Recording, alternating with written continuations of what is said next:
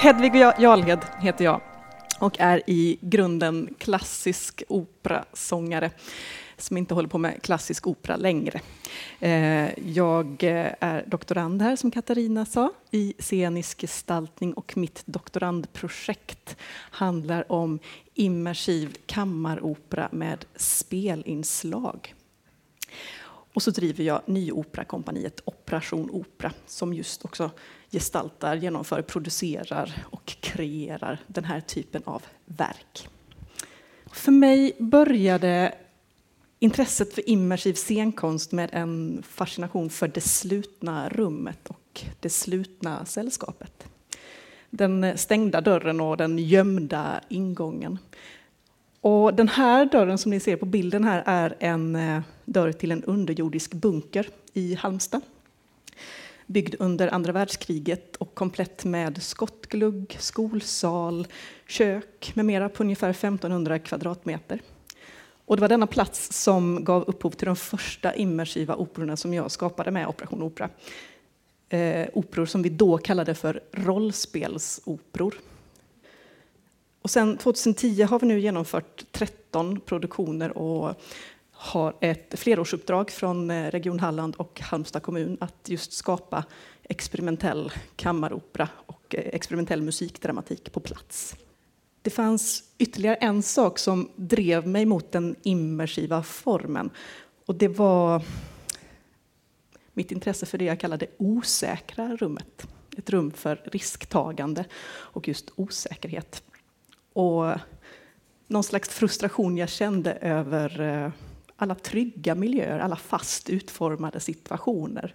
Situationer där alla gör samma sak samtidigt på samma plats vid samma tillfälle. Allt det där gjorde att jag kände mig ganska dränkt och paralyserad och kvävd av själva situationen jag befann mig i. Bland annat den klassiska publiksituationen. Och det fick mig att arbeta med just speldesign istället i de här immersiva kammaroperorna som vi började att experimentera med i Halmstad. Och i dem så överlåts det åt var och en att engagera sig och agera precis hur mycket man vill och vid vilket tillfälle man vill. Om man vill engagera sig överhuvudtaget.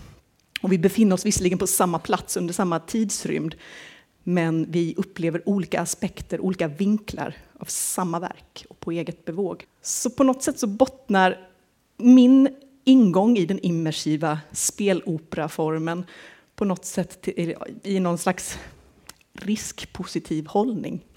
Att det ska finnas utrymme för ett ökat risktagande än jag upplever i vardagen.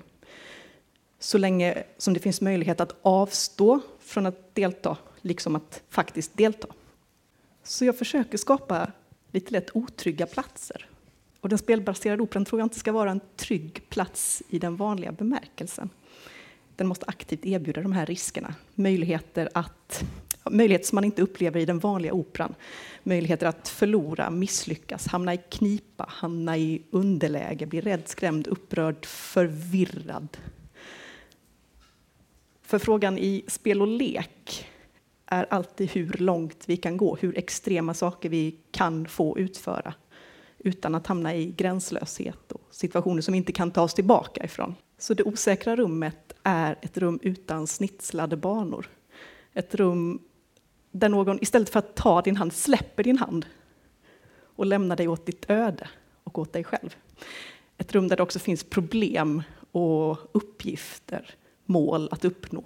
Och du nämnde att vi skulle sen prata lite om eh, de etiska aspekterna av det här. Men jag tänker att en viktig del som vi har jobbat mycket med i våra operor, det är att aldrig låta någon besökare hamna i en utsatt position på det sättet att vi som artister i stunden pekar ut, ställer krav, ålägger uppgifter eller sätter någon i fokus som inte självmant sätter sig själv i fokus. Det överlåter vi åt var och en att göra. Vi ska bara erbjuda möjligheter. Så den största utmaningen som vi arbetar med sen är hur vi möjliggör den här interaktionen eller aktionen. För interaktion ser jag bara som en typ av aktion med ofta ganska oförberedda besökare som går in i ett musikdramatiskt sammanhang med musik de aldrig har hört, med historier de aldrig har hört berättas eller mött på något sätt. Och en mycket påträngande ljudmiljö och dominanta röster. Efter det att jag har jobbat med detta som forskare eller som doktorand i mitt forskningsprojekt så rör vi oss mer och mer mot en turbaserad form av opera. En turbaserad immersiv operaform där våra verk byggs upp modul för modul och sekvens för sekvens så att både verbal interaktion och annan interaktion kan få utrymme eller hoppas över allt efter behov och situation. Det medför också att vi skapar väldigt många olika alternativ i våra operor. Komponerade alternativ med både musik och, och text och och gestaltning. Så att vi har en stor palett att välja på i stunden beroende på hur våra besökare agerar. Vi har kommit att jobba väldigt mycket med alternativa sekvenser, alternativa slut som triggas av besökarnas beteenden och initiativförmåga. Och ibland också parallella händelseförlopp som man kan missa eller avstå från aktivt. Så med åren har vi liksom börjat frigöra oss från tanken på att alla i våra operor, att alla ska ha tillgång till allt. Tvärtom blir det en spänningsfaktor att få tillgång till somligt och bli utesluten från visst. Det handlar om slump och val för varje enskild individ. Och immersiviteten, om vi kan kalla det för något sånt, handlar väldigt mycket om eh, rummets utformning, om ljudmiljön som är omslutande och inneslutande. Vi jobbar ofta platsspecifikt och nästan alltid utanför miljöer som andas scen, teater, konsert.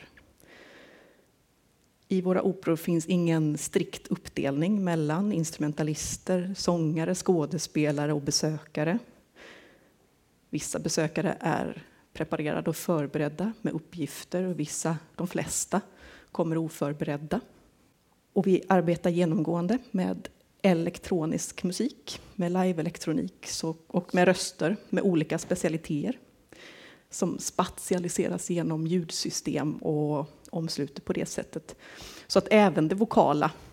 Och så där rent tekniskt estetiskt när jag skapar de här operorna tillsammans med mina kollegor så utgår jag väldigt mycket från att rösten har en möjlighet att förvrida språket och medvetet försvåra och utmana kommunikationen.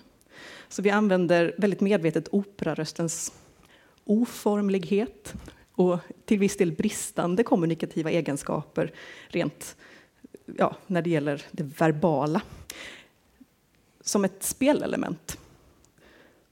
För jag tror inte att poängen med opera är att förmedla en text i första hand utan istället kan det faktiskt vara att dölja, fördunkla och chiffrera en text musikaliskt. För mig är det något som gör opera spännande, att vi inte kan förstå alla detaljer och underliggande intentioner direkt, utan istället åläggs något slags eget ansvar att själv fylla i luckor och förhålla oss till utebliven information och sätta ihop helheten, den slutgiltiga kompositionen i våra egna huvuden. Och så handlar det om proportioner när vi jobbar med immersiva, omslutande, inneslutande kammaroperor. Det handlar för oss om att aldrig låta gruppen som kommer utifrån, våra gäster, om den gruppen upplevs som kompakt, som sluten, som färdig, sammanhållen och större än det vi omsluter med, upplever vi att vi får problem att kommunicera i verket. För det finns någon slags gräns för gruppstorlek i immersiv kammaropera. Och jag vill alltid uppnå någon form av turbulens och just förvrängning. Så det gäller att vara ganska precis med de här parametrarna. Och så vill jag att man ska komma ifrån våra operaupplevelser med en känsla av att ha genomgått någonting, mer än att kanske ha bevittnat någonting. Jag jobbar väldigt mycket i ett väldigt, väldigt litet kompakt format i själva uppsättningen. Eh, och den minsta operan vi har gjort är en one-to-one, en en eh, besökaropera som blev världens kortaste opera förra året, tre minuter lång. I den så får man först en introduktion som är betydligt längre än själva föreställningen, där man eh, förbereds på att gå in och man har i uppdrag att eh, hämta tillbaka fisk från havsgudinnan åt en eh, fiskare med tomt nät som sitter utanför. Eh, det är en väldigt eh, bagatellartad, halvkomisk eh, scen. Eller opera då, det är ett helt verk. Besökaren har fått en godispåse vid ingången. Ur godispåsen kan besökaren välja vilket offer gudinnan ska få för att blidkas. Så, tack.